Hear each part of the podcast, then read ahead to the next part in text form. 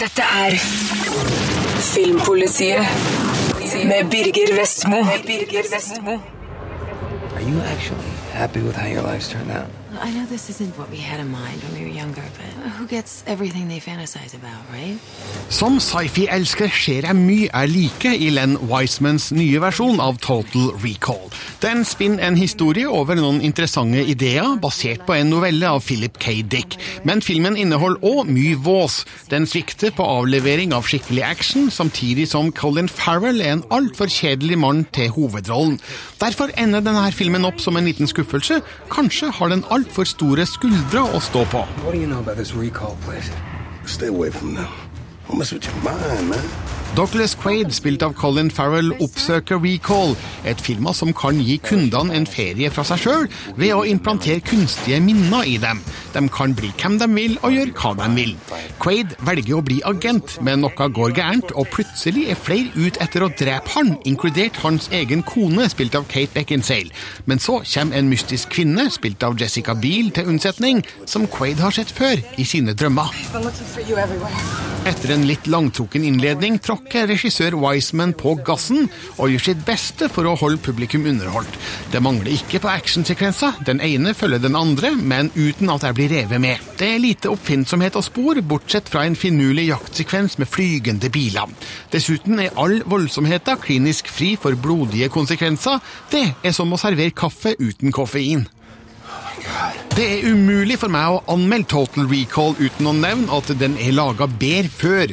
I 1990 regissert Paul Verhoeven, datidas største filmhelt, Arnold Schwarzenegger, i en skikkelig morsom actionfest.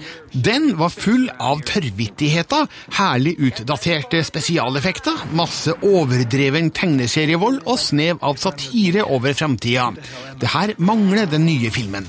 Den har riktignok et par korte, morsomme vink til 1990-filmen, men har ellers ingen ironi, glimt i øyet eller satire. Bare en kald, kynisk og kjedelig skildring av framtida.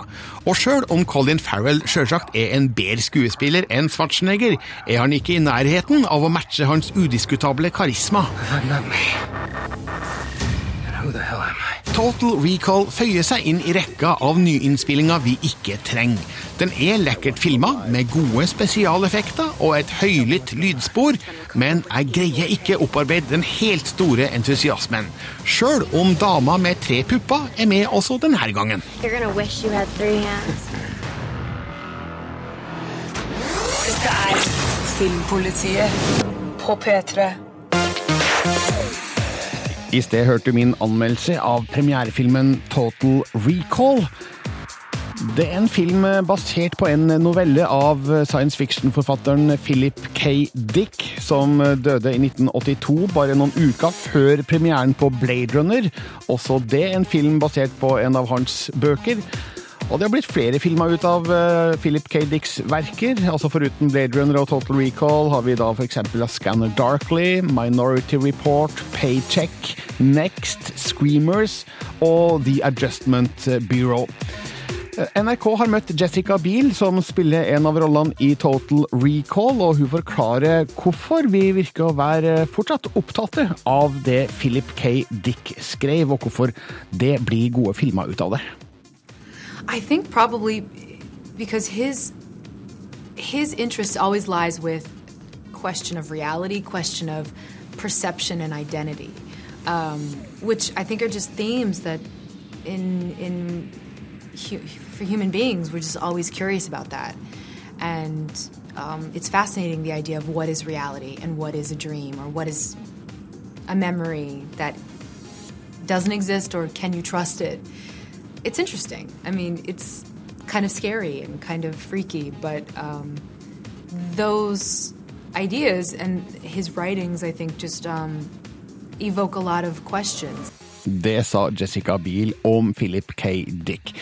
Gå inn på p3.no filmpolitiet. Der kan du lese anmeldelsen min av um, Total Recall. Du kan også se en videoversjon av det, og du kan se hele intervjuet som Mona B. Riise har gjort med Jessica Biel. Ted, you gotta move out. I'll help you get on your feet out there, I promise. Bring it in, you bastard. Come on. I love you. Sorry, that's the The thing, the thing. The old. Yeah, yeah, yeah. Yeah, no, Bamsen Theodor var en av mine barne-TV-helter på 1970-tallet. Kanskje er det derfor jeg syns denne filmen er hylende morsom? Regissør og manusforfatter Seth MacFarlanes Ted er nemlig politisk ukorrekt i alt den gjør, og tråkker herlig over flere grenser. Noe av humoren er så avgjort av det infantile slaget, men det gjør meg ingenting når det er pakka inn så smart som her. Det her er det morsomste jeg har sett på veldig lenge. It has been said that magic vanished from our world a long time ago. En overbegeistra fortellerstemme som tilhører Patrick Stewart, gir oss bakgrunnshistorien om John og hvordan hans ønske om at bamsen Ted skal kunne snakke, går i oppfyllelse. 27 år senere er John, spilt av Mark Wahlberg, og Ted, med stemmen til Seth MacFarlane, fremdeles bestekompiser, men det er i ferd med å skape problemer for Petes forhold til kjæresten Laurie, spilt av Mila Kunis. Hun tror at Johns forhold til Ted hindrer han fra å bli skikkelig voksen. Det kan hun ha rett i. It's been four years, Johnny. You and me have been together for 27 years. Where's my ring? Allerede ved starten aner jeg at det her kan bli riktig så morsomt. Premisset er jo helt fjernt, ikke sant? Men Seth MacFarlane gjennomfører ideen til 20 i stil. I en tidlig sekvens får vi fortalt hvordan Ted blir nasjonal TV-kjendis, for så å bli glemt. Men alle i nærmiljøet ser ut til å akseptere en snakkende teddybjørn som en hvilken som helst annen person. Det gjør at også jeg som publikummer godtar det her utgangspunktet, sjøl om det gjør hele historien enda mer absurd. Hi, Thomas. How are you? Mark Wahlberg og Mila Kunis gjør habile jobber, men det er altså en digital teddybjørn som er filmens beste rollefigur, godt hjulpet av Seth MacFarlanes egen stemme. Ted har en kostelig personlighet, lojal mot sin venn, vil ingen vondt, men er likevel ikke alltid like stø på det moralske planet. Slike figurer ser vi jo ofte på film, men svært sjelden i form av en teddybjørn. Derfor blir det ekstra morsomt. Laurie, hey, you're home early. Who are these girls? They're hookers, so it's fine. You know, somewhere out there are four terrible fathers I wish I could thank for this great night. Seth MacFarlane er kjent som skaperen bak Family Guy, en serie jeg sjokkerende nok ikke har et forhold til. Det må jeg rette på umiddelbart. For med Ted treffer MacFarlane min type humor aldeles strålende. Denne filmen er stygg, ufin, politisk ukorrekt og veldig, veldig morsom. I look stupid. No, you don't. You look dapper. John, I look like something you give to your kid when you tell him grandma died. Dette er Filmpolitiet med Birger Vestmo. Birger Vestmo. Filmpolitiet presenterer Ja, Denne uka har det gått rykter om at Ben Affleck skal regissere Justice League, DC Comics sin samling av superhelter, inkludert Supermann, Batman, Wonder Woman, Flash og Green Lantern. Det hadde ikke vært et dumt valg, siden Affleck har imponert stort med sine to første spillefilmer som regissør, Gone Baby Gone og The Town. Han har jo eh, superhelterfaring som Daredevil. Men nå melder Deadline at Affleck har takka nei til tilbudet. Han er etter sigende mer lysten på et annet stort prosjekt, nemlig en ny filmserie basert på Stephen Kings roman The Stand. Det er nok klart at Justice League blir film til slutt, men ikke med Ben Affleck som regissør. Hangover 3 er snart klar for innspilling, og denne gangen skal gjengen tilbake til åstedet for den første filmen, Las Vegas. Handlinga er så langt ikke kjent, men Empire Online påstår at utgangspunktet er at gjengen skal redde Zack Galifianakis sin figur Alan fra et mentalsykehus. Det er forventa at også Bradley Cooper, Ed Helms og Justin Bartha gjentar sine roller. Og så melder Variety nå at Heather Graham gjør comeback i serien. Hun spilte stripperen Jade i den første Hangover-filmen. Regissør Sean Penn returnerer til villmarka fem år etter at han laga den sterke filmen Into the Wild. Denne gangen skal han regissere Crazy for the Storm, basert på ei bok av den norskætta Norman Ollestad. Den forteller den sanne historien om hvordan han som elleveåring måtte bruke all lærdom fra far sin for å overleve etter en flystyrt på en fjelltopp i 1979. Filmen fokuserer òg på det spesielle forholdet han hadde til faren, som døde i krasjet.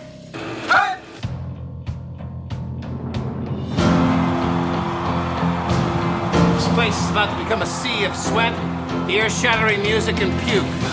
Rock of Ages spinner en historie over et knippe låter som vil vekk nostalgien hos et stort publikum. Historien er kanskje tynn og overfladisk, men låtene representerer rocken på sitt morsomste, nemlig den som prega hitlistene mot slutten av 1980-tallet. Denne musikalen er klisjéfylt så det heller, men kan til gjengjeld skilt med en Tom Cruise i fyr og flamme som gammel rockegud. Handlinga er lagt til Los Angeles i 1987. Sherry, spilt av Julian Hogue, kommer fra Tulsa, Oklahoma med store Hollywood-drømmer. På Sunset Strip møter hun den aspirerende rockeren Drew, spilt av Diego Boneta. Søt musikk oppstår på den nedleggingstrua baren Bourbon Room, samtidig som legenden Stacey Jacks kommer for å spille støttekonsert. Our whole existence is riding on Stacy Jacks. Rock and roll! Historien som fortelles er nok ikke fryktelig spennende. Den eksisterer kun som et påskudd for å bruke gamle sanger om igjen. Men jeg lar meg sjarmere av de her figurene, og hvordan de med jevne mellomrom bryter ut i rock. Med all selvfølgelighet. Og musikken er vanskelig å mislike. Blant låtvalgene fins alt fra I Wanna Rock, I Love Rock and Roll og Paradise City til Def Leppard-låta, som også er filmens tittel. Blant skuespillerne er både Julian Hogue og Diego Boneta sjarmerende bekjentskaper, mens Alec Baldwin og Russell Brand er filmens komiske elementer som driverne av Bourbon Room, etter hvert med en uventa vending. Men det aller beste med Rock of Ages er Tom Cruise. Han gir 140% i rollen som Stacey Jacks, og overbeviser både som scenerocker og med en høyst habil samstemme. That stage is a pedestal, and when you're up there, you're untouchable. Rock of Ages føles til tider som en litt for glatt musikal med litt for mange ballader, blant annet More Than Words, Every Rose Has Its Thorns, I Want To Know What Love Is og Can't Fight This Feeling. Jeg kunne tenkt meg en enda råere stil à la Motorhead, Iron Maiden etc., men jeg mores og underholdes og hadde ikke større forventninger enn som så. Og respekten for Tom Cruise som skuespiller er uforminska.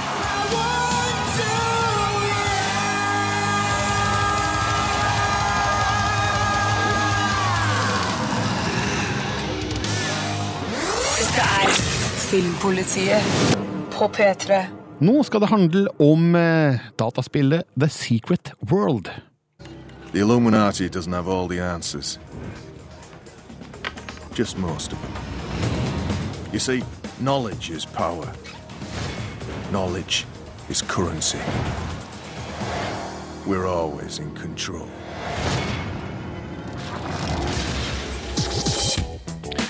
Dersom eh, du går på p3.no filmpolitiet, kan du nå lese en eh, artikkel med overskrifta 'Funcom skuffa over salget til The Secret World'. Funcom er altså da det norske spillselskapet som har The Secret World som sin nye storsatsing. Andreas Opsvik, velkommen i studio. Jo, takk du. Eh, hva betyr det at de er skuffa over salget? Vel, de hadde jo egentlig håpet eh, å selge minst 30% mer enn Age of Conan, eh, som, som, var deres forrige storspill. Men nå ligger det an til at eh, tidlig, ganske tidlig, men likevel, at de kommer til å selge under halvparten av Age of Conan-spillet. Ja, og det, det er ikke særlig bra nytt. Vel, nei. Det er det ikke. Det her er jo det de har satsa på veldig stort, og det er jo da selvsagt dårlig for dem hvis de kommer til å ende opp med å tape en mye penger på det. Mm. Er det et sånn fare på ferde for selskapets fremtid her, eh, hvis det går dårlig med, med The Secret World? Det er jo klart, I aller verste tilfelle så kan det jo gjøre det. Eller det kan bety at de må, må stoppe noen titler, eller, eller ikke, ikke lage et par av spillene de hadde planlagt. Eh, men sånn foreløpig så sier de i hvert fall at de, de, har, eh, de har aspirasjoner i hvert fall om å tjene inn mer penger enn de gjorde på Age of Conan. Ja, men nå eh, tar Funcom grep for å bedre salget. Hva, hva gjør de? Vel, de har blant annet lagt ut spillet på, på den digitale spillbutikken Steam, som, som Valve styrer. Og så har de, de i tillegg å kutte litt kostnader her og der, sånn at de har muligheten for å ja, tjene så godt de kan, egentlig. Nå, eh, nå har jo spillet fått eh, litt vekslende kritikker. Altså Vi i Filmpolitiet, vår kollega Marte, var jo veldig fornøyd med, med The Secret World, mens eh, det har vært litt vekslende andre steder. Kan det ha innvirkninger på salget? Ja, Funcom sier sjøl at de tror at, at sider, i hvert fall sånne større sider som samler alle anmeldelser, eh, sånn som metacritic.com, eh, at den kan ha noe av skylda. For der har de bare en sånn samla eh, score på rundt 72 av 100, som de da mener er for dårlig. Eh, Den artikkelen du har skrevet på p3.no slash filmpolitiet, der har det kommet inn en kommentar fra Jørgen Carlsen som skriver det her har jeg forventa siden salgsstart. Eh, World of Warcraft har perfeksjonert MMO og har så å si monopol. Eh, Har han noe rett i det? Ja, altså World of Warcraft mista vel en million i løpet av de siste tre månedene, og en million eh, spillere for World of Warcraft er under 10% En million for hvilket som helst annet MMO er en drømmesituasjon. Vi håper at salget av The Secret World eh, tar seg opp eh, for Funcom. Gå inn på p3.no slash filmpolitiet, les artikkelen og si din mening der. Takk skal du ha, Andreas. Takk. Dette er Dette er P3.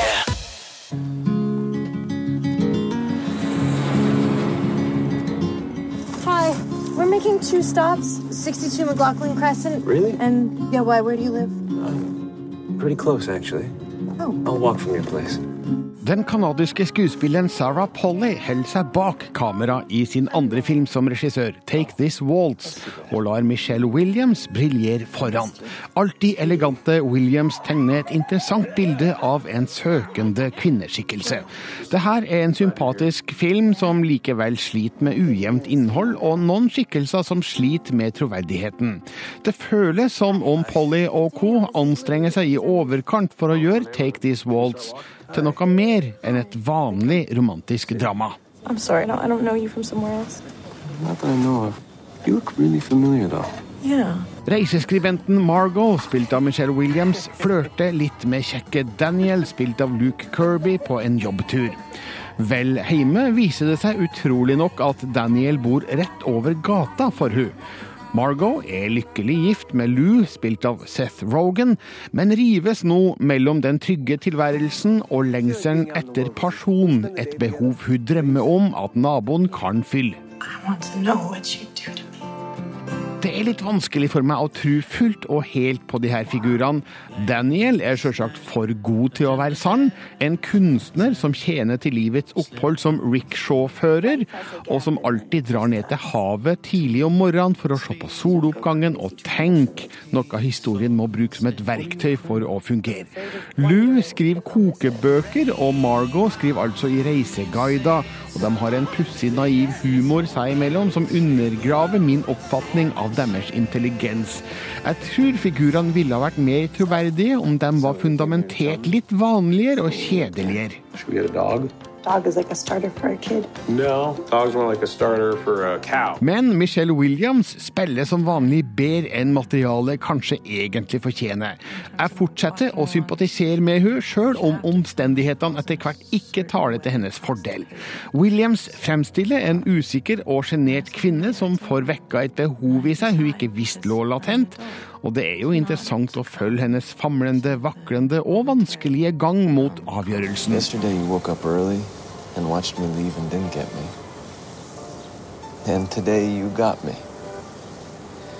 Now what are you do with me? Take This Waltz er nydelig fotografert av Luc Montpellier og har habile prestasjoner fra både Luke Kirby, Seth Rogan og Sarah Silverman. Det er mye sympatisk å hente i filmen, men jeg tror jeg ville ha likt den bedre om den hadde tilnærma seg virkeligheten i sterkere grad, slik Michelle Williams kun gjør mot Ryan Gosling i fantastiske Blue Valentine. Sarah Polly viser seg likevel som et regitalent verdt å se opp for. Debutfilmen Away From Her var enda bedre. See you Sometime. soon. I guess.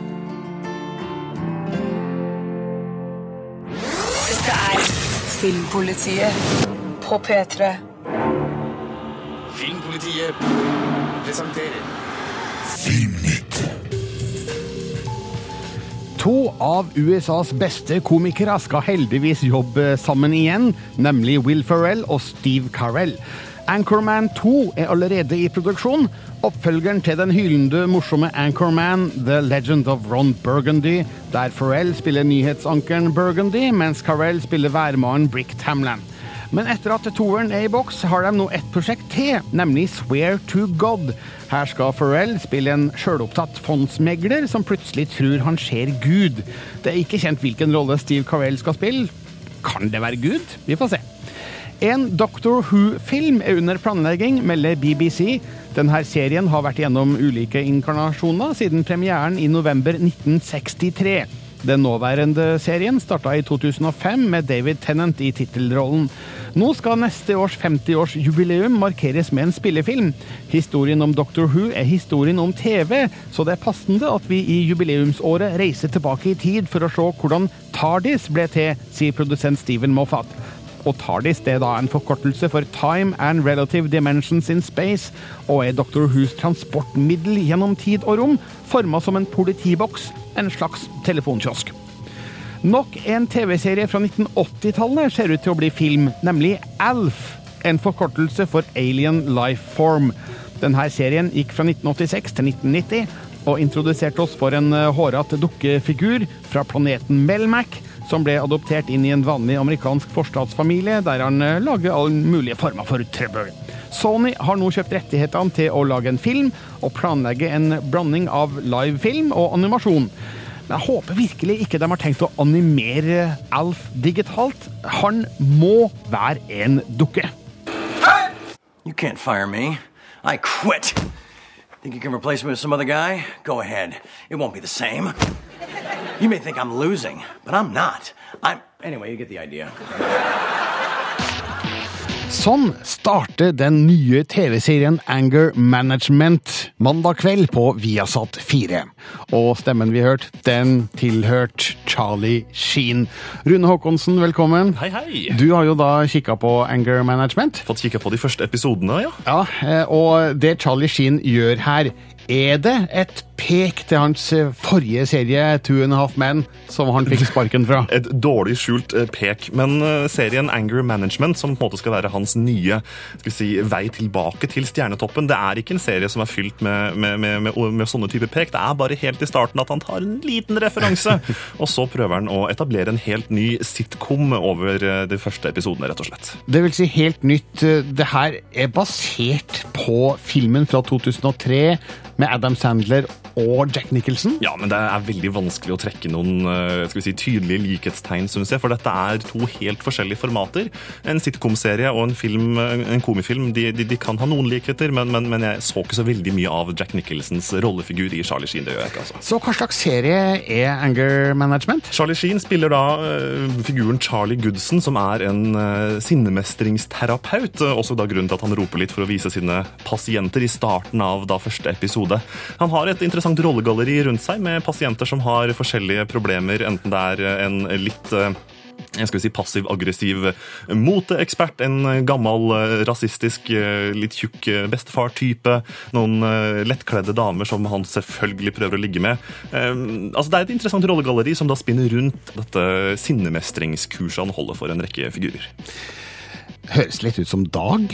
Ja, det kan faktisk være flere likhetstrekk til serien Dag enn det er til originalfilmen Anger Management. Det Men det. det jeg lurer mest på, er er det gøy? Det er helt OK. Jeg forventa kanskje at Charlie Sheen skulle være litt frekkere. At han skulle tørre å sparke litt i flere retninger. Men det er en veldig trygg TV-serie hvor Charlie Sheen egentlig bare fortsetter omtrent den samme type jobben han gjorde i Two and a Half Men.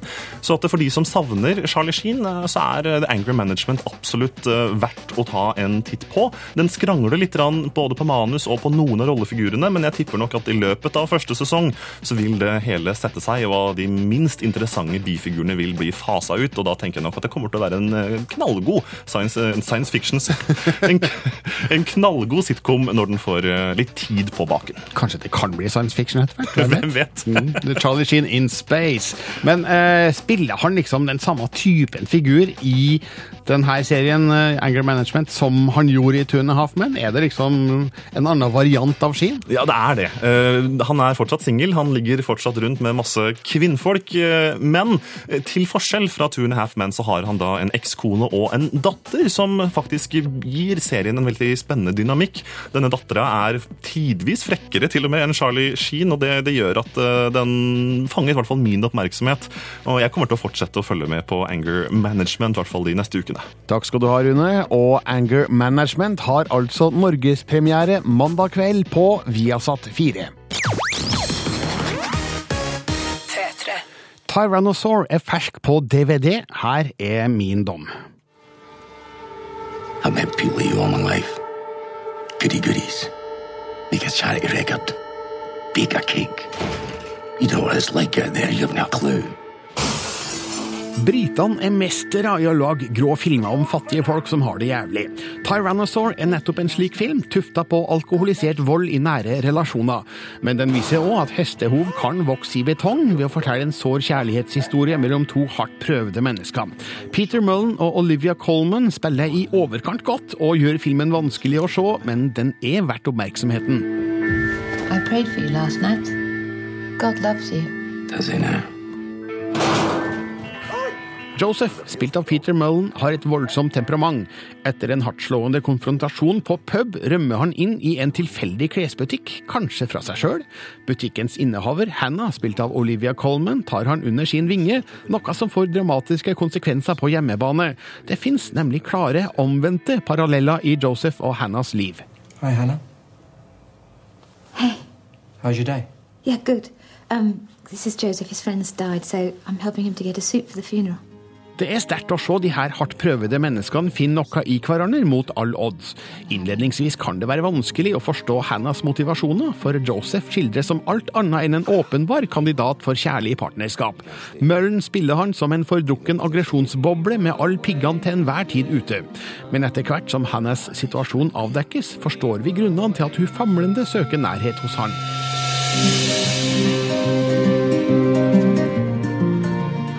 Mom, to you?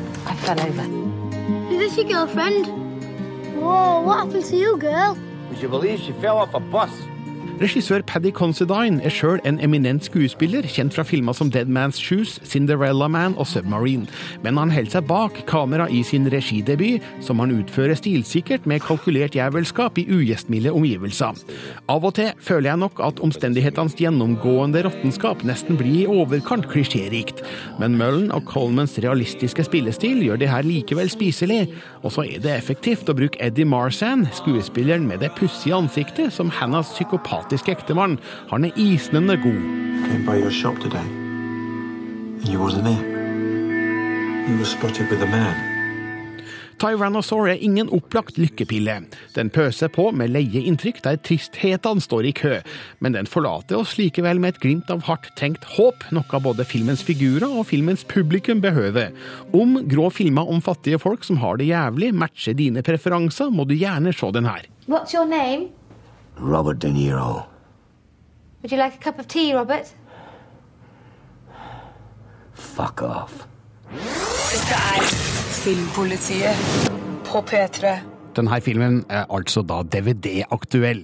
Nå er Filmpolitiet over. Jeg heter Birger Vestmo. Vil bare henlede oppmerksomheten mot p3.no filmpolitiet, der du finner alle våre anmeldelser og andre artikler. Dette er Filmpolitiet med Birger Vestmo. Med Birger Vestmo. Du hører nå en podkast fra NRK P3. Hent flere podkaster fra NRK på nettsiden nrk.no podkast.